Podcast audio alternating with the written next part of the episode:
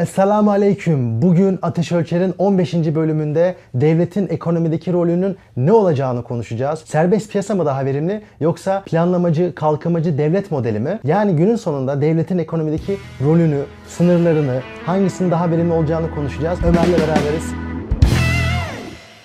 Evet Ömer, bugün devletin ekonomideki rolünü konuşacağız. Evet. Ben bir liberal olarak bilinirim. İyi bir liberal olarak bilinirim. Eski bir liberal olarak. Ömer artık liberal değil bu arada bu Değil acı ama. gerçeği. Ama yine de hala piyasacıyımdır. piyasacısındır. Neden? Çünkü ben esnaf çocuğuyum. Ben ekonominin biz, biz de içinde... çocuğuz kardeşim. Biz de esnaf çocuğuyuz. Oğlum senin esnaflığı sen o kadar şey yapmamışsın. Ben o Babanın özümsemedim. esnaflığını o kadar özümsememişsin. Biraz dışarıda kalmışsın. O dünyaya ait değilsin gibi. Ben kendi içinde olduğum kimliği hayatın tek gerçeği olarak görmüyorum Ömer. Daha geniş perspektiften bakmaya çalışıyorum. Bence onu almamışsın kadar. Sonda söyleyeceğimi başta söyleyeyim Söyle. ve aslında insanların biraz da belki şüpheyle yaklaşacağı, sinirleneceği bir şey söyleyeceğim. Şimdiye kadar hiçbir devlet liberal ekonomik modelle kalkınmadı. İngiltere ve Amerika dahil. Liberal ekonomik model nedir? Şimdi ben de onu soracaktım sana. Sen bir video çekelim fikriyle geldi bana Yaşar. Diyor ki işte devletin rolü ne olmalı? Eyvallah güzel bir soru. Sonra da diyor ki eğer devlet bir şeyi sübvanse ediyorsa, bir şeyi teşvik ediyorsa o da planlamacı ekonomi olur. O da serbest piyasaya karşıdır. Bence senin serbest piyasa algın biraz fazla Serbest piyasa. ütopik ya gerçek olamayacak bir şey. Yok benim demek istediğim şey şu. Anarko kapitalist fantezi gibi bir şey anlatıyorsun serbest piyasadan. Yok. Yani hiçbir serbest piyasa modeli zaten şöyle olamaz. Devlet hiçbir şey yapmıyor. Regüle bile etmiyor. Bir şeyleri teşvik bile etmiyor. Her şey böyle kendi kendine oluyor. Böyle bir şey var mı ya Benim dünyada? eleştirdiğim model şu aslında. 1980'den sonra bizim işte bu neoliberalizm dediğimiz bir modele geçtik. Tamam o modeli bir anlat. Ya devletin aslında 60 ve 80'deki planlamacı ekonomisinden ziyade bir hakem olarak var olması. Biz bu esnada sadece devletin rolünün değil, uluslararası kuruluşların da rolünün değiştiğini düşünüyoruz. Washington Konsensus diye bir şey var. Tamam. Dünya Ticaret Örgütü, IMF, World Bank devletlere diyor ki bir, sermaye akışını serbestleştir. İhracat ve ithalat rejimini serbestleştir. Emek piyasasını, ticaret piyasasını deregüle et, serbestleştir. Aynen. Bunu da aslında İngiltere, Amerika gibi ülkeler 3. dünya ülkelerini de zorla yaptırıyor. Bunu yapın, bu iyidir diyor. Bu Türkiye iyidir, mesela. aynen. Ve ben benim iddiam şu. Bu ekonomik modelde hiçbir ülke kalkın kalkınamaz. Kalkınamadı da zaten. Tarihsel olarak baktığımızda İngiltere 18. yüzyılda Ne demek kalkınamadı? Bir diyorsun ki 80'den bugüne kadar biz bu modeli uyguladık. Sonra diyorsun ki kimse kalkınamaz. 80'den bugüne hiç kimse kalkınamadı mı? bu modeli Biz ne uygulamayanlar yapıyoruz? Biz geriye mi gidiyoruz? Patinaj Hayır. mı çekiyoruz? Şöyle. Çin'e bakıyorsun, Güney Kore'ye bakıyorsun. Nasıl kalkınmışlar? Devletin bir planlama modeli var. Öngördüğü teknoloji alanları var, sanayi alanları var. Orada sürekli şirketlerle bir işbirliği içerisinde ihracat ve ithalatı kontrol ediyor. Öte yandan mesela tarihsel olarak da Almanya'sı, Fransa'sı, İngiltere'si, Amerika'sı hep böyle kalkınmış. Neden? Bizim bebek endüstri dediğimiz bir kavram var. Infant Evet, industry. aynen. Onları koruman gerekiyor. Çünkü dışarıda daha gelişmiş bir ülke serbest ticaret olduğunda senden daha ucuza satıyor. Aynen. Ve dolayısıyla senin içerideki sanayin gelişmiyor. Aynen klasik argüman. Tabii. Hep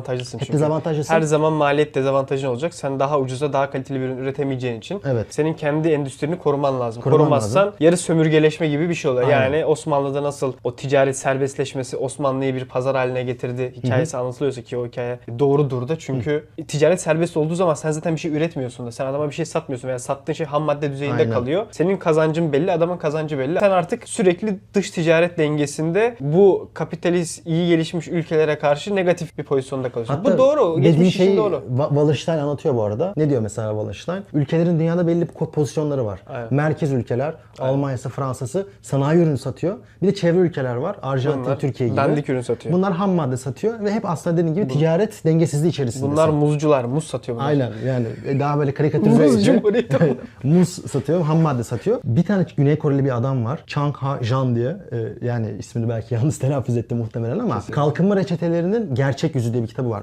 Bu arada mutlaka tavsiye ediyorum. O bu tarihsel süreci çok iyi anlatıyor. Nasıl şu an gelişmiş olan ülkelerin, gelişmekte olan ülkelere öngördüğü reçetelerin, serbest piyasa reçetesinin zamanında onlar tarafından kullanılmadığı, o modelin tam ters şeklinde geliştirildiğini Bu anlatıyor. kavga zaten 1800'lerde de veriliyordu. Aynen. İngiltere o zaman serbest ticaret olsun abi. Berezmin çıktığı yer, Adam Smith'ler vesaire. Bir yanda da Almanya var. Almanya'da şey diyor baba bu serbest ticaret bizi biraz sıkıntıya Bitirir. sokar. Aynen. Bunlara göre daha gerideyiz sanayi gelişiminde. Biz önce kendimiz bir gelişelim. Geliştikten sonra anca eşit şartlarda mücadele edebiliriz. Evet. Dolayısıyla 1800'lerde dahi bu zaten o şu an gelişmiş ülkeler dediğim merkez ülkeler içinde dahi tartışılan bir konu ve Evet. merkez ülkelerin tamamı için aynı şey geçerli değil. Yani orada da İngiltere dominasyonuna sebep oluyordu zaten serbest Aynen. ticaret. Ama İngiltere niye bunu diğer ülkelere bastırıyordu bunu yapın diye? Çünkü zaten kendisi 17-18. yüzyılda kalkınmıştı. Bir sermaye birikimi olmuştu. Kendi sermaye birikimi olduktan sonra diğer ülkelere bakın siz de ticaretinizi açın, serbest piyasaya geçin, siz de benim mallarımı ucuzdan alın diye baskı yapmaya başladı. Oradaki mantık şu ama bu Ricardo mantığı. Comparative advantage. Adam şunu diyor ya sen Endonezya olarak mesela diyor sen muzu ucuza üretiyorsun. Sen muzu güzel üretiyorsun abi. Sen de ucuza üretiliyor bu. Ben de muzu üretemiyorum diyor Ben İngiltere. nedense motor üretiyorum. Sen muz üretiyorsun. Ben sana motor satayım, sen bana muz sat. Ama öyle Muz değil. Adam ister hakikaten, misin? ama adam hakikaten motor üretemiyor. Endonezya motor üretemiyor. İngilizler ucuza motor üretiyor. Ricardo da diyor ki İngiliz'in muz üretmesi saçma. İngiliz motor üretsin çünkü İngiliz muzu Endonezyalıya göre daha yüksek maliyetle üretecek. İngiliz motor üretsin, motor satsın. Endonezyalı da full bütün yatırımları muza yönlendirsin çünkü muzda avantajı var. Muzu ucuza üretiyor. O da muzu satsın. Böyle bir fikir var. Aslında teoride kötü gözükmüyor. Yani o kadar da kötü bir fikir değil. Bu arada hemen şöyle diyeyim. Herkes iyi yaptığı işi yapsın diyor. Herkes bildiği işi yapsın. Bu klasik liberal argüman vardır ya. Biz bir köydeyiz. Aynen. Division of labor. Peki bir köyde miyiz gerçekten? Ee, Yani Birinci Dünya Savaşı'nda bir köyde olmadığımız anlaşılıyor. Bu arada dediğini biraz doğrulamak için şunu söyleyeyim. Asıl küreselleşmenin altın çağı olarak 1876 ile 1914 verilir. O dönemde Arjantin acayip büyümüştür. O tarım ürünleri satarak O tarım satıyorlar o zaman. bayağı zenginleşiyor. Ama Evet. sonra Birinci Dünya Savaşı'nda ülkeler savaşıp içine kapanınca Arjantin bir anda ciddi krize giriyor. Çünkü artık mal Kendi satamıyor ve sanayi ürünün yok. Yetemiyorsun. Şimdi buradan bakınca ben işte diyorum ki bu aslında ülkelere biraz zarar getiren bir argüman. Uzun vadede böyle oldu ama teorik olarak ve o bulunduğun nokta için çok yanlış bir argüman değil. Çünkü şu argüman aslında bugüne uyarlarsak. Türkiye'nin araba yapması diyelim.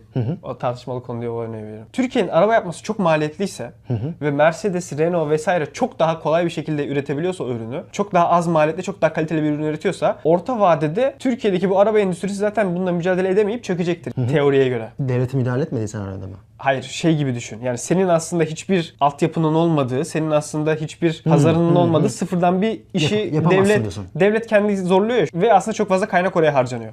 Ama bu liberal mantığa göre bu şuna yol açacaktır. Yapma zaten diyorsun. Yapma bunu. Çünkü sen zaten bunu daha yüksek maliyetlerle yapacaksın ve sürdürülebilir de olmayacak. Ve günün sonunda da sen kaynakları israf etmiş olacaksın. Ama gerçek hayatta biraz hikaye şöyle oluyor. Sen 10 yıl 15 yıl dayansan orta vadeye geçtikten sonra sen rekabet avantajı kazanmaya başlıyorsun. Evet. Rekabet avantajı Güney kazanmasan gibi. dahi Güney aynen. Kore gibi. Yan endüstrileri geliştirebiliyorsun. Aynen ve bunun öyle. sonucunda endüstrin gelişiyor ve artık sen o ilk durumdan farklı bir durumda oluyorsun. Kesinlikle. Yani Türkiye'de savunma sanayi yatırımlarını düşünün. Savunma sanayi Türkiye'de 1970'te muhtemelen daha az verimli bir sektördü. Yavaş yavaş verimleşti. Ama 2000'lere geldiğimiz zaman Türk savunma sanayisi bütün dünyada rekabet edebilecek hatta ciddi anlamda fiyat performans olabilecek bir pozisyona geldi. Ama nasıl oldu? 20-30 yıl belki de Bu kesinlikle katılıyorum ama sıkıntısını çekti. Şimdi bana, muhtemelen şöyle eleştiri gelecek bazı liberal arkadaşlardan. Serbest piyasaya bırakan yatırımlar en verimli şekilde e, harcanacak. Devlet müdahale etmesi hem sermaye hem sanayi en uygun fiyatları bulacak. Diyelim ki devlet arabayı seçmek yerine zorla bir kararı dağıtmak yerine kimya sanayini seçip oradan verimli yürüyecekti diyebilirler. Ama orada kaçırılan şey şu bence. Hani kalkınma nedir? Bir devlet nasıl kalkınır? Kalkınma planı nasıl yapılır diye soruyalım kendimize. Ama o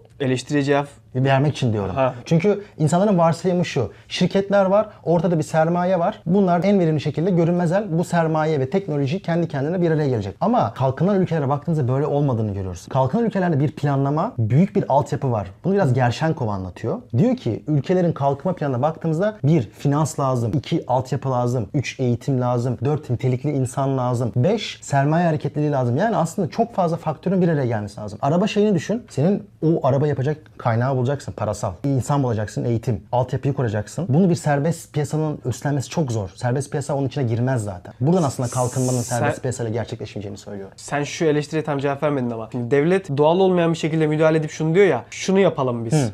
tamam. Ve çok maliyetli bir şey istiyor yapılmasını. Ama belki de bir alternatif yatırım vardı. O alternatif yatırım kimya veya farmakolojiydi. Farmakolojiyi yapabilmek Türkiye'de daha az maliyetli ve daha uzun vadede getirisi yüksek olan bir şey olabilir yine. Orada da benim eleştirim şu. Zaten Türkiye gibi ülkelerde herhangi bir alana ayıracak sermayen devlet dışında olmuyor. Genelde fabrika kuracak, altyapı inşa edecek tek sermaye devlette oluyor. O yüzden aslında biraz devletin dışında bir alternatif görmüyorum. Bak sen e, görünmez eli fazla aşağıladın. Görünmez el o kadar yanlış bir e, düşünce değil. Şu yüzden değil. Eğer İngiltere, Amerika gibi belli bir sermaye birikimin varsa, belli bir insan kapitalin varsa Onunla bir şey diyemem. ondan sonra zaten o görünmez el gerçekten de işliyor. İşliyor, Ama. Afrika'nın ortasındayız veya 1930 Türkiye'si. Türkiye. Bence şu an 1930 Türk- Türkiye'si. Şimdinin Türkiye'sinde de ben hala Şimdinin Türkiye'sinde de biraz işler ama 1930 Türkiye'sinde mesela Atatürk dese ki ya Adam Smith'i ben okudum çok iyi. E görünmez el var. E biz bir şey yapmayalım ya bunu sanayiciler yapacak. Ya, Sanayici yok zaten. Ben bu arada günümüz Türkiye'sinde de şu an görünmez elin çok güçlü bir sanayi kolu işletebileceğini düşünmüyorum. Bence şu an fena değil mesela yine. Şundan yani mı? şunu kastediyorum. Belli bir gelişmişlik seviyesinden sonra liberal market teorisi daha anlamlı oluyor diyorum. Katılıyorum. Zaten benim eleştirim şuydu. Genelde gelişmiş ülkeler, gelişmekte olan ülkelere bakın biz geliştik, şimdi liberalleştik, siz de liberalleşin diye baskı uyguluyor. Ben diyorum ki bu hikaye yalan. Bu ülkeler gelişene kadar içine kapandılar. Devlet büyük sa- sanayi kollarına sübvansiyon verdi, planlama yaptı. Bütün her şeyi o üstlendi. O noktaya ondan geldikten sonra diğer ülkelere siz böyle yapmayın diyor. Ben diyorum ki bu hikayeyi satın almayalım. Bu hikaye doğru bir hikaye Bu hikayenin doğru olduğu bazı yerler var yine. Neresi mesela? Mesela Singapur'u düşün. Yani Singapur dışarıdan sermaye enjeksiyonu olmadan, dışarıdan o yatırımı çekmeden gelişemezdi. Doğru ama Anladın mı? Yani o Ha, neoliberal bir mantığın şöyle bir bastın. haklı yanı var. Yine aynı mantık. Singapur'uz biz. Hiçbir şeyimiz yok. Çok bir şeyimiz yok daha doğrusu. Kaynaklar sınırlı, sermaye sınırlı. Sermaye sınırlıysa büyümen de sınırlı olur. Tabii. Dolayısıyla bir yerden artı değer gelmesi lazım. Bir yerden sermaye gelmesi lazım. Yani bu Türkiye üzerinde de sen sürekli diyorsun ya böyle bir marifetmiş gibi. Erinç Hoca diyor ki dışarıdan sermaye gelmediği zaman Türkiye büyüyemiyor. Ya Ha. çünkü kendi sermayen yetmiyor kardeşim. Bu batah bir laf değil yani. Dışarıdan sermaye gelecek ki büyüyeceksin. Çok ta- mantıklı. zaten. Tamamen kabul ediyorum ama işte devlet planlama yapmadığı zaman bu arada benim devlet planlamadan kastım şu anlaşılmasın. Ee, bütün merkezi hükümetin her şeyi planladığı Türkiye'de ve- yapıyoruz işte bak inşaata yolladık. Beğenmiyorsun onu da. Ha, ama şimdi orada Ha. siyasi bir karar var. Yazılıma yapsaydık. Yazılım Ha. demek ki öyle olmuyor Hayır, işte. orada siyasi bir karar var. İnşaata gitti. Şimdi babacan anlattırma bana. Şimdi orada şöyle bir şey oldu. Diyorsun ya tabii ki dışarıdan sermaye gerekiyor. Singapur dışarıdan gelen parayı veya Tayvan veya Aynen. Vietnam bir belli sektörler belirlediler. Tayvan'da mesela bu mikroçiplerdi. Singapur'da finanstı. Finans kapitalin kendisi başka noktalarla. Vietnam'da mesela biraz Çin'in alternatif olmaya Ama çalışıyor. beğenmediğin neoliberal modelle oldu o. Yani Tamamen neoliberal model değil bak. Ben sermaye... Neoliberal kısmı şu Singapur'da. Singapur'da tax free, tax cennetidir. Singapur yabancı yatırımcılara kendisini bir cennet olarak pazarladı. Yabancı yatırımcıyı çekti ve uçtu. Bugün bizim e, solcu ekonomistler ne diyorlar? Ya işte Türkiye'de bir program yapılıyor. Bu neoliberal programdır. Bu dış sermaye, muş sermaye böyle öcü gibi anlatılıyor. Ya, baba kendi kendimize nereye gideceğiz ya? Oradaki Para bence- belli, sınırlı abi Zaten kaynak. dışarıdan kaynak yaratman gerekiyor. Ona bir lafım yok. Ama dışarıdan kaynak alıp onu planlama üzerinden değerlendirmediğinde ne oluyorsun? 90'lar Türkiye'si, 2000'ler Türkiye'si. Para sadece finansa gidiyor, tüketime gidiyor. Hatta 2010 Türkiye'sine de gayrimenkule gidiyor. Yani parayı verimli kullanmıyorsun. Finansa gitmesi de o kadar kötü değildir. Bak İngiltere işte finans kapitalle yürüyor. Bak Singapur finans kapitalle yürüyor. Ona da gidemiyor. Onlar kendilerini ama o bölgenin finans merkezi olarak inşa etmişler. Türkiye bunu inşa edemediği belli. Sen dışarıdan Türkiye 20 senedir gelen yatırımların ve sermayenin ki o sermaye de bu arada kısa vadeli sıcak paradır. Yani fonlardır. Öyle şey değildir. F- FDI değildir. Foreign Investment 2000'lerde çok geldi sanki. Geldi ama benim iddiam şu. Türkiye gibi ülkelerde bir plan koymadığında özel sektöre teşvik, uzun vadeli plan, sadece teşvik değil ama uzun vadeli plan, belli sektörleri öncelemediğinde, hatta bazı altyapı yatırımlarını devlet üstlenmediğinde, yol yapacak, köprü yapacak çünkü hiçbir Ama özel zaten sektör yapmaz. canım onu liberaller de şey demiyor. Bunları yapmadığında gelişmen çok zor. Çünkü aksi halde para ya finansa gidiyor, kısa vadeli finansa gidiyor 90'larda olduğu gibi ya da 2000'lerde olduğu gibi tüketime gidiyor. Para verimli kullanılmıyor yani onu diyorum. Parayı verimli kullanacak olan genelde uzun vadeli plan yapan devlet ve şirketlerin bir araya gelmesidir. Ki Asya'da bu böyle büyüdü. Devlet ve Şubimiler vardı. Beraber karar verdiler ve uzun vadeli plan yaptılar. Hangi dilde bir onu söyle. Ee, yanılmıyorsam Güney Kore olması lazım. Kore mi? Şunda hemfikiriz değil mi? Devlet altyapıyı sağlayacak. Ama burada bence liberallerin veya işte neoliberal mantığın dediği şey şu. Bu sermayenin serbest akışı senin dışarıdan sermayeyi kullanıp kendini daha da iyi bir noktaya götürmenin ilk koşulu ya. Yani sen dedin yani bunun yönlendirilmesi lazım. Eyvallah. Evet. Ama yönlendirilmesi için de bir akış olması lazım. Yani sermaye içeri girecek. O sermaye içeri girer ve ülkeler kalkınır, gelişmekte olmayan ülkelere yatırımlar gider. Mantığı işledi biraz. Yani Bangladeş'te Nike'ın fabrikası olmasa Bangladeş daha kötü durumdadır abi. Bangladeş'te 10 dolara o çocuklar çalışıyor diyorsunuz da. Bangladeş'te Nike'de olmasak herhalde kimse çalışamayacak. Ya da 1 dolara çalışacaklar. Yani o sermayenin sürekli daha ucuz iş gücüne gidip aslında çok fakir olan ülkelerin durumunu belki de sıfırdan ikiye çıkartması bence işledi te- pratikte de. Şimdi Onu kastediyorum ben. Çünkü bak liberal mantıkla ilgili senin şu eleştirin doğru. Hiçbir şey yoktan var olmaz. Çok basit düşünelim. Afrika'nın ortasındaki bir çölüz. Yani biz kendi haline bıraktığın zaman serbest piyasa kim ne yapacak? Sıfır ya. Sermaye yok, bir şey yok. Hiç kimse yok. O bir şöyle olabilir. Devlet en güçlü aktördür. Devlet bir şeyleri yaratır. Zor yatırımları devlet yapar. Ağır sanayi yatırımlarını devlet yapar. Çünkü onları yapacak e, içeride sermayeler yoktur. Ya da o bir iki nereden gelir? Dışarıdan gelir. dışarıdan gelir. Ama benim dediğim şey şu. Dünya tarihine baktığımızda sonradan kalkınan ülkeler, sonradan kalkan ülkeleri de 1914'ten sonra işte Güney Kore'sidir, Çin'idir, Singapur'udur. Bu ülkeler pek demokratik yöntemlerle kalkınmıyor. Evet. Dürüst olalım. Nasıl kalkınıyor? Diyorsun ya dışarıdan dışarıdan sermaye gelecek diyorsun. Çünkü içeride sermaye yok. Güney Kore'de de Japon sermayesi gelmiştir. Hem Japon sermayesi artı Güney Kore'de demokrasi var mıydı? Yoktu. Çünkü olay şu. Elinde sınırlı kaynak var. Bu sınırlı kaynağı da verimli kullanman lazım. Yani tüketime ayırmaman lazım. Pek bölüştürmemen lazım. Hani insanları da pek refahını arttırmaman lazım. Elindeki sınırlı kaynakla 30-40 yıllık büyük sanayi projeksiyonları yapıyorsun. Bu sanayi projeksiyonları ilk anda bu arada çoğu zaman fail ediyor. İlk Japon arabaları, ilk Güney Kore arabaları çöptür bu arada. Oradan yeni teknoloji ürünleri dışarı satıyorsun. Bir artı değer yaratıyorsun. O artı değeri insanlara hala dağıtmıyorsun. Bunun üzerine yeni planlar yapmaya devam ediyorsun. Japonya'da mesela veya Güney Kore'de nasıl gelişti? Araba, gemi, askeri sanayi. Şimdi uzun bir halka var ve bu 40 senede biraz diktatörlükle, biraz insanların kafasına vurarak Diktatörlük biraz planlamayla dediğinde yapıyorsun. insanların işçi ücretleri baskılandı. Baskılanıyor ve aynı zamanda oluşan elindeki kıt sermayeyi hangi şirkete nasıl dağıtacağın, hangi bankanın kime ne kadar para vereceği, hangi teknolojilere yatırım yapılacağı, hangi üniversitenin açılacağına kadar karar veriyorsun. Ben biraz kalkınmayı böyle görüyorum. Çin de bunu yapıyor. Bunun dışına çıktığında sermaye genelde halka dağıtılıyor yani demokrasi olduğu için. Çünkü demokratik talepler var. Partiler seçilmek istiyor. Veya sermaye tüketime gidiyor, kalkınma- verimsizliğe gidiyor. Kalkınma otoriter olur diyorsun. Sonradan kalkınan ülkeler genelde merkezi planlama yapıyor ve bu da biraz antidemokratik uygulamalarla oluyor. Biraz dediğin baskıyla olur. Baskıyla oluyor. Aynen.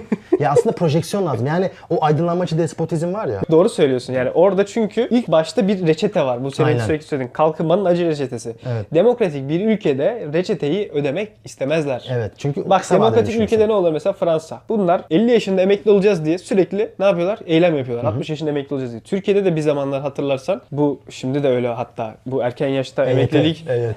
yani 40 yaşında emekli Bela, olmak istiyorlar. Beladır bu arada. Yani EYT. 40 yaşında emekli olmak isteyen bir grup var. Şimdi demokrasi çok canlıysa, cafcaflıysa siyasetçiler zaten kitlelere, gruplara oy satın almak için mi diyelim veya ekonomik popülizm mi diyelim. Ya aslında ekonomik mantığa göre yapılmaması gereken şeyler yaparlar. Türkiye'de herkesin çok erken emekli olması gibi veya asgari ücrete yapılan popülist zamlar gibi. Ya da tarım sübvansiyonu. Ya da sürekli sübvansiyon. tarım sübvansiyonuyla aslında verimsiz bir şeyi beslemek gibi. Evet. Buradan şuna giriyorum. Bu arada Fransa dedin. Yeni bir tartışma açayım. Kapitalizm de tek bir model değil aslında Ömer. Yani bu Varieties of Capitalism diye bir kitap var. Ama bu acı reçete ödenmeden Ha tabii. olmuyor yani. Bu böyle hiçbir şekilde ilerleyemiyorsun. Evet, tabii. Herkese bir rant dağıtalım. Yok. O da onun da gönlü hoş olsun, bunun da gönlü hoş olsun. E kimse bir şey üstlenmesin. Bölüşüm genelde bir sermaye biriktirdikten sonra gerçekleşiyor. Güney Kore mesela son 20 senede bölüşüm gerçekleşiyor. Hatta şu an Çin'de protestoları belki takip etmiştir bazı seyircilerimiz. Çin'de insanlar ayaklandı bazı fabrikalarda. Niye? Artık Çin belli bir zenginliğe oturdu. Bir orta sınıf oluşuyor. Onlar da bir demokratik talep içerisinde. Bize daha fazla para verin vesaire vesaire. Şimdi ama Fransa ve Almanya başka bir kapitalist model örneği biliyor musun? Onlar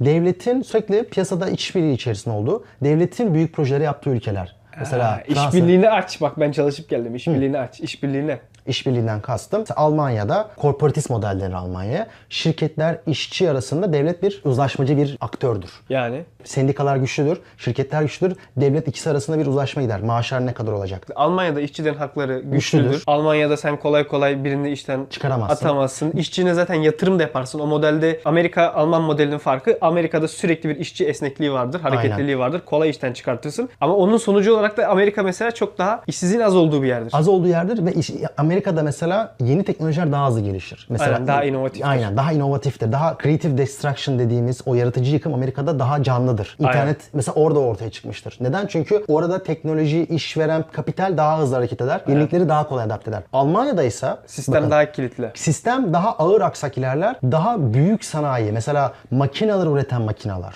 işte metro, metro yapan makineler var ya. O Almanya'da ortaya çıkar. Amerika'da tabii Amerika çok büyük bir yer. O yüzden Amerika'da her şey var da. Mesela biz Almanya'dakiyle İngiltere arasında bir fark görüyoruz. İngiltere'nin öyle büyük büyük sanayisi var mı? Hani metro Yok, üreten bir yok. makine yapan. Yok. Almanya ile İngiltere tamamen başka model. Almanya ama şu an şeyi tartışmıyor mu mesela? Biz daha atik olmamız lazım, daha dinamik olmamız lazım, daha çok inovatif olmamız lazım. Yani onlar da ekonomilerinin aslında Biraz birazcık hızlandırmak istiyor. Mesela bu Elon Musk'ın Berlin'e gidişi. Orada bir Tesla fabrikası kuruldu. Batarya teknolojisini geliştirelim. Ama bak yine devlet üzerinden yapılan bir hamle var. Alman devleti Merkel'den beri ülkeyi hem birazcık bir yandan neoliberalleştiriyor. Bir yandan da işte batarya teknolojisini Almanya'ya davet etmek. Almanya'nın araba firmalarıyla görüşüp işte bakın elektrikli arabalara yatırım yapın demesi gibi devlet ve merkezi planlama teşkilatlı bir sanayi hamlesi var. Ki Amerika'da da var bu arada. Bu Biden'ın yeni planı vardı ya bu infrastructure plan diye. Hani işte batarya teknolojisine yatırım yapacağız, rüzgar türbinleri açacağız gibi şeyler. Ama bak Amerika modelinde dahi şu var. Ben seninle onu tartışmıştım. Sübvansiyon bütün modellerde var. Evet. Yani sana vergi affı veriyor, sübvanse ediyor belli sektörlerdeki firmaları. O sübvansiyonlar da bir de inanılmaz boyutlarda. Dolayısıyla hiçbir model şöyle yapmıyor. Biz umursamıyoruz hiçbir şeyi. Biz sadece kanun koyarız, geçeriz değil. Ben Yani- sana dürüst bir şey söyleyeyim mi? Türkiye'deki bence temel problem böyle bir devlete güvenin olmaması. Hani böyle bir planlama yapacak olsa devlet. Yanlış da değil bence. Ya, katılıyorum. Teorik olarak o kadar yanlış değil. Şimdi bak teorik olarak tartıştığımız konu şu. Bir modelde diyorsun ki sen çok bilge devlet adamları olacak, çok bilgece kararlar alacak. Buna mı güvenirsin? Güçlü bir devlet ve bilge bir yönetim. Yoksa bu yok. Abi devlet gölge etmesin. Çünkü devletin zarar verme ihtimali daha yüksek. Özel sektör kendi dinamikleri içinde çünkü başarılı olanı ödüllendirip başarısız olanı cezalandırıyor. Bırakalım özel sektör bu işi daha düzgün yapar. Hangisi daha mantıklı geliyor sana ortalamada? Devlete karşı oluşan antipatiyi anlıyorum ben Türkiye'de. Ama şöyle bir realite de var. Abi Devletin- Çaykur zarar ediyor. devletin olmadığı bir senaryoda da Türkiye nasıl gelişecek onu göremiyorum. Abi Türkiye devlet devlet güçlüydü Türkiye'de uzun süre. Türkiye'de Tüpraş'ı, e, Kardemir'i, Ereğli Çelik'i, ne bileyim THY'si, devasa firmalar şu an hepsi inanılmaz kar ediyor. Abi bunlar nasıl olduysa 1990'larda devletin sırtına yük oldu ya. Nasıl oldu abi bu? Bu 90 nasıl bir yönetememe ya? Şimdi 90'ları seninle uzun uzun çok anlattık zaten videolarda. Orada Ama da genel mi bir şey bu? var. Bu verimsizlik. Yani Türkiye devleti üzerinde tartışalım mesela şu an. Bak ben Japon yapmış abi. Japon'a ben güvenirim. Ama bizim ülkemizde örnekleri gördük. Hı. Şöyle söyleyeyim. 1960 ve 80 arasında devlet planlama teşkilatı varken Türkiye'nin sanayisi çok hızlı büyüyor. Sanayi kapasitesi. Ve bu 1980'den sonraki ihracat artışında da en önemli etkenlerden biri. Bu konuda bir videoda anlatmıştım. Makaleyle koymuştum. Danny Roderick anlatıyor bunu. Şimdi 90'larda devletin kitlerinin bu kadar borç içine yüzmesi aynı zamanda bir planın olmaması ve tamamen popülist politikalar. Dediğin şeye katılıyorum. O yüzden bir planlamadan bahsediyorum. Bir planlama bu arada devletin her şeye el koyması değil. Heh, orada öyle bir- vizyon koyması. Ha şimdi bir aynen. vizyon koyması. Onu bir ayrıştıralım. Çünkü senin anlattığın Alman modelinde de ben oturdum baktım, araştırdım. Almanya'daki devlet kontrolündeki firmalara baktım. Ne kadar devlet kontrolünde firma var? Yani state owned enterprise ne kadar? Arada state Almanya'da o kadar yok. Enterprise'den bahsetmiyorum. Aslında ben böyle devletin bir vizyon koymasını. Aynen. Yani o, onu ayıralım yani. Almanya dediğin modelde dahi baktım. Federal devletin sahip olduğu firmalar çok yok. Sahiplik oranları da %10, 15, 20 falan oluyor yani. Yine çoğunluk özel sektörde oluyor. Ve ben bu firmaların, Alman büyük firmaların nasıl kurulduğuna da baktım. Önemli bir kısmı özel teşebbüs. Evet. Şaşırtıcı. Yani Mercedes, Daimler özel teşebbüs. Volkswagen, Almanlar e, Volkswagen demen beni mutlu etti. Volkswagen değil de Wagen tarzı böyle. Naziler Hatta kuruyor. Volkswagen falan Volkswagen derler. Aynen bilmiyorum. derler. Naziler kuruyor. Tamam. O bir istisna. Ama Nazi onu falan deme YouTube bizi şimdi sansürlemesin. mesela Deutsche Bank bile Hmm. özel teşebbüs. Çok ilginç geldi bana. Şimdi çok ilginç bir konuya denk geldin. Hepsi özel teşebbüs ama Alman devleti de aynı zamanda onların ilerleyebilmesi için gerekli altyapı yaratıyor. Aynen öyle. Mesela ne yapıyor? Zora girdikleri zaman devlet devreye girip satın almalar yapıyor. Yapıyor. Mesela bu Commerzbank var Almanya'nın en büyük ikinci, üçüncü bankası olması lazım. O mesela patlayacak gibi oluyor. Hop Alman devleti araya giriyor. Kamulaştırma yapıyor. Belli bir oranda alıyor. Sonra tekrardan ama garip bir şekilde Almanya'da aldığını dahi devlet 15-20 yıl sonra 30 yıl sonra tekrardan özelleştirmiş. Almanya için şey derler, büyük bir cooperation'dır. Yani devletten ziyade bir araya gelmiş büyük bir şirkettir diye. Gerschenkov mesela bu Alman kalkınmasını iyi anlatır. O diyor ki, dediğin hepsi özel teşebbüs. Özel teşebbüs ama aynı dönemde büyük Alman bankaları kuruluyor. O büyük Alman bankaları dediğin Destekliyor. büyük f- şeyleri destekliyor. İngiltere ile karşılaştırıyor Gerschenkov. İngiltere tekstil üzerinden büyüdüğü için İngiltere'deki bankalar da küçük. Çünkü zaten tekstil küçük sermaye istiyor. Almanya'nın bankaları geliştirmesi Tabii, 1850-70'lerden sonra olmuş. Evet evet. Yok ikisinin İngiltere'nin 1700'lerini karşılaştırıyor, Almanya'nın 1800'lerini karşılaştırıyor. Baktığında farklı sanayi dönemleri de farklı reçeteler istiyor. İngiltere tekstil üzerinden geliştiği için küçük bankalar var. Çünkü tekstil küçük sermaye istiyor. Al- Almanya büyük sanayi var. Demiryolu, çelik, araba. O yüzden büyük bankalar var. Demek ki kalkınma biraz böyle paket gibi geliyor. Almanya'da bir de galiba şey var. E, şirketler arasında organik bağlar var. Evet. İşte ne bileyim Mercedes'le banka arasında, bankayla Siemens arasında hepsinin aslında yönetim kadrolarında veya shareholder'larda, hissedarlarda bir ortaklık var. Dolayısıyla işte buna o yüzden kooperatif devlet deniyor. aynen. Fransa'ya baktığında mesela Fransa'nın neden farklı bir kapitalist model deniyor? Bunu anlatma sebebim şu. Biz genelde kapitalizmi tek bir can şey gibi görüyoruz. Bir tane kapitalizm var. Aslında farklı kapitalizm modelleri var. Amerikan kapitalizmi farklı, Fransız kapitalizmi farklı, Almanki farklı vesaire. Fransa'da mesela devlet çok Devlet çok önemli. evet.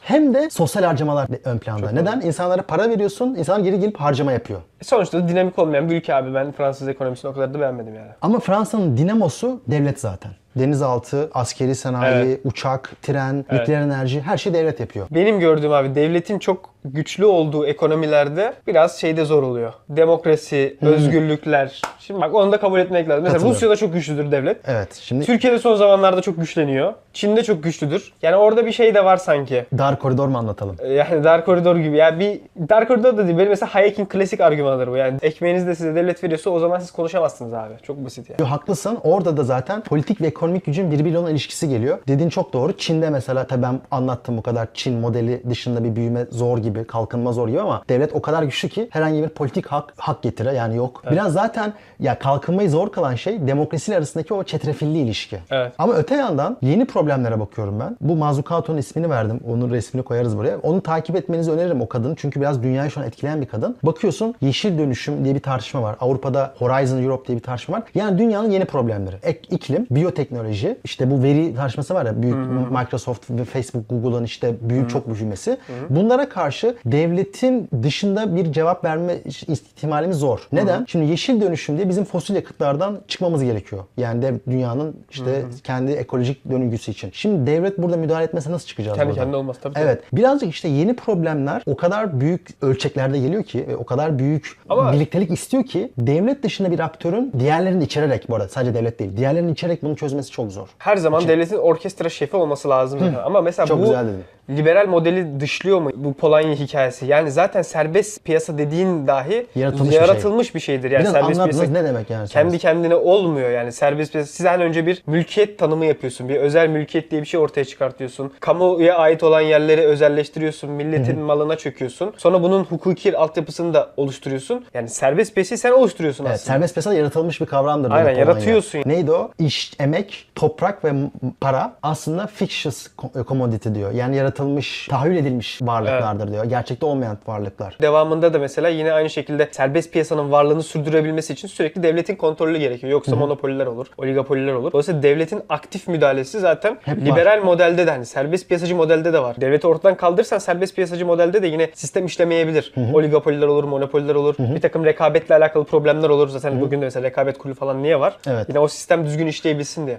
Biz marketi doğal bir kurum gibi düşünüyoruz ama nasıl demokrasinin yapay bir kurum olduğunu bildiğimiz gibi marketin kendisi de oluşturulmuş bir kavram. Hatta bununla Tabii. ilgili forum ve market denir. İki böyle farklı şeyi vurgulamak için şey demokrasi ve serbest piyasa ikisi de yaratılmıştır. Ama bizde mesela şu an şu yaygın oldu. Demokrasi evet siyasi bir tanım, market siyasi bir tanım değil yani serbest piyasa. Halbuki Yok, siyasi yeni serbest- şeyler bunlar. Evet. Bizden 1800'lerden sonra ortaya çıkmış, kabul edilmiş şeyler ama bugün bir liberal de bence şunu kabul ediyordur. Yani devlet tabii ki bir şeyleri regüle edecek. Bütün regülasyonlar devlet müdahalesidir zaten. Katılıyorum. Yani hukuki zeminini oluşturman, koruman bir şeyleri Yok yok onda bence insanlar okey. Benim demek istediğim mesela hangi alana yatırım yapacağını da bence devletin biraz vizyon koymasıyla ilgili olması gerekiyor. Yani devlet sana yeri geldiğinde oraya yatırım yapma, buraya yatırım yap falan demesi gereken bir senaryo hayal ediyorum ben. oraya Türkiye'de. yatırım yapma değil de şuraya yatırım yapılsını teşvik edebilir. Evet, bunu şundan diyorum. Bence bazı insanlar da şey gibi düşünüyor. Hiç buna da gerek yok. Devlet hani olsun, Kendine versin, olsun. kendi kendine olsun. Olmaz. Ama buradaki hata şu bence. O kadar küçük ölçekli sermayeden bahsediyoruz ve o kadar Türkiye'de hani teknoloji o kadar gelişmiş ki onların bireysel kar maksimasyonu verdiği kararlar bile verimli olmayacak. O Olmuyor. verimli bir senaryo çıkmayacak. Bir yer tıkanacaksın. Amerikan, Fransız, Alman, Çinli rakibin seni geçecek. Tabii. Geçecek yani. Onu geçmen için biraz birlikte hareket etmemiz Devletin gerekiyor. bir noktada şey yapması dahi mesela küçük ölçekli şirketleri abi siz biraz büyüyün diye alttan ittirmesi bile çok fark ettirir her şeyi. E, Biraz yine bu yeni kalkınmış ülkelere baktığımızda ama senaryonun şöyle olduğunu görüyoruz. Birileri orkestra devlet ediyor. Elitler var. Onların fabrikaları var. Holdingleri var. Onlar aslında böyle şampiyon atlar. Onlar götürüyor ülkeyi. Samsung mesela Güney Kore'de. Hani çok Ama zengin. bu şart zaten ya. Şart. Yani Ama büyük sermayedarlar zaten orada hikayeyi esas götürecekler oluyor. Bu Türkiye'de de mesela Koç, Sabancı vesaire. Onlarda çünkü çok büyük bir güç var ve o güç sayesinde mesela Koç bugün şey yapabilir. Ne bileyim sen çip yatırım yapamazsın ama Koç yapabiliyor. Katılıyorum. Ama işte oradan şu tartışma donuyor. O şampiyonları beslemek için biraz bölüşümden de feragat ediyorsun ya. Aslında Aynen. biraz o yüzden o soruyu sordum. Yani soru, şu aslında sorum. Hani kalkınma bir yandan da özellikle şampiyon artlar yetiştirirken bölüşümden de feragat ettiğim bir senaryo. Acaba hani kalkınmadan tek anladığımız bu olmasa da işte böyle biraz daha bölüşüm odaklı bir şey mi olmalı gibi bir soru da geliyor benim aklıma. Güzel anladım dediğini. Bence pasta büyümeden bu olmaz. Önce pasta pasta büyümeli. Şu olabilir mesela. Küçük bir pasta var. Daha eşit bölüşülüyor diyelim. Birinci senaryo bu. Senin söylediğin. Herkese daha iyi bölüşüyor. Ya da diğer senaryo daha büyük bir pasta var. Daha eşitsiz bölüşülüyor ama ortalama insana düşen pay daha büyük olabilir orada. Dolayısıyla ben ikinci pastayı Tercih edersin. tercih ederim. Ve neoliberal model sanki birazcık o ikinci pastayı veriyor gibi de geliyor bana. Şuna hemfikiriz değil mi? Bölüşüm zengin olduktan sonra konuşulur. Bir önce bir zengin olalım. Buna hemfikir miyiz? Yoksa biraz böyle hiçbir yere uzamayız yani. Ben onu söyleyeyim. Abi İsveç ne güzel. Abi İsveç İsveç olduktan sonra Güzel diyorsun. Norveç'i örnek olarak veriyorsun. Norveç Varlık Fonu her yıl korkunç bir artı değer yaratıyor. Gidiyor her yere yatırım yapıyor falan. Yani Norveç bize örnek olabilir mi? Yok, Norveç o kadar o kadar refah olsun zaten. O kadar zenginlik olsun. Zaten onu dağıtırız da.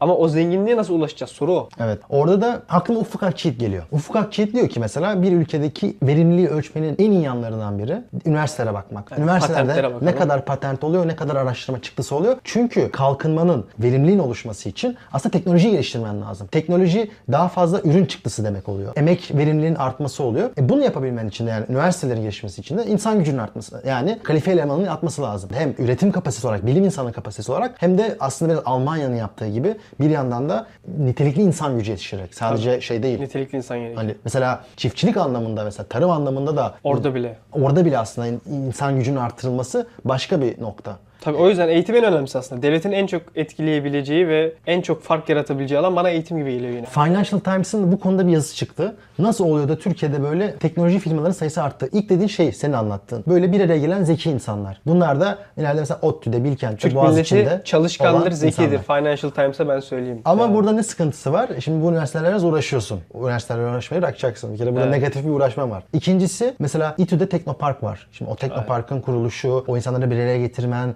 o insanların birbiriyle ilişkisi içerisinde olması. Yazılım sektöründeki en önemli şeylerden biri network'tür biliyor musun? Çok konuşulmaz. Sanki önemsiz gibi görülür. Ama o insanların birbiriyle tanıdığı, iki kodunun birbirini tanıdığı, abi şunu yapalım dediği senaryoda bir şeyler gelişiyor. Bir de aslında şöyle bir şansımız da var bizim. O da yine bilinen bir hikaye. Yani siyasiler bizim çok söylüyor bunu da. Nüfus.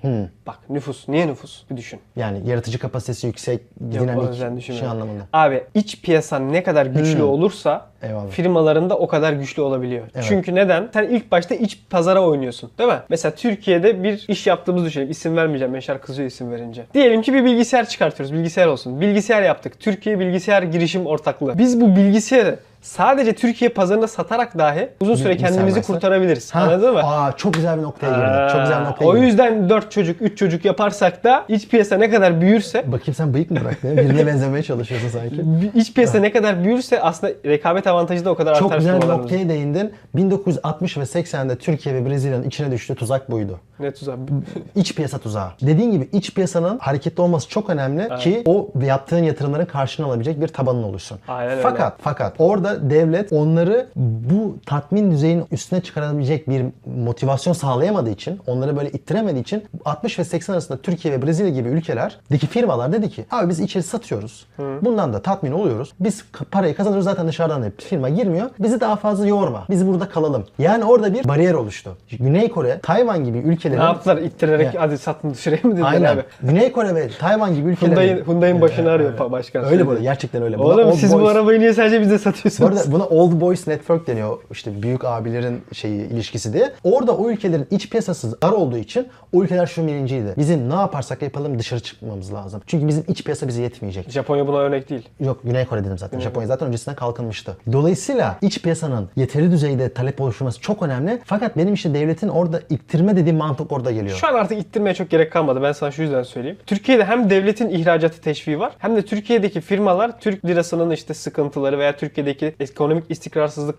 kaygılarından ötürü zaten ihracat odaklı büyümeye başladılar. İhracatı önceliyor herkes. Yani bugün mesela Vestel ciddi ihracat yapıyor. %70 falan ihracat yapıyor olması lazım. Satışların %70'i. Beko biliyorsun Arçelik çok ciddi ihracat yapıyor. Geçen sene kaldığım yurtta buzdolabı Beko'ydu. Evet. Ama benim yani arkadaşım... o dönüştü aslında. Yani devletin artık ittirmesi gibi bir şey değil. Hani biraz Türkiye'deki şartlar da şeye itti. Koç mesela şunun farkında. Ben ürünlerimi TL ile içeriye sattığım sürece reel dolar bazlı büyüyemiyorum. Orada ama şöyle bir eleştirim var. Benim bir yakın bir arkadaşım Vestel'de staj yaptı. Direkt şeyde e, araştırma ve geliştirmede. Bizzat onun aktardı. Herkesin yattı. Yani böyle insanların çok fazla iş yapmadı. Orada biraz işte devletin en azından araştırma ve geliştirme firmaların daha fazla para ayırmasına teşvik etmesi.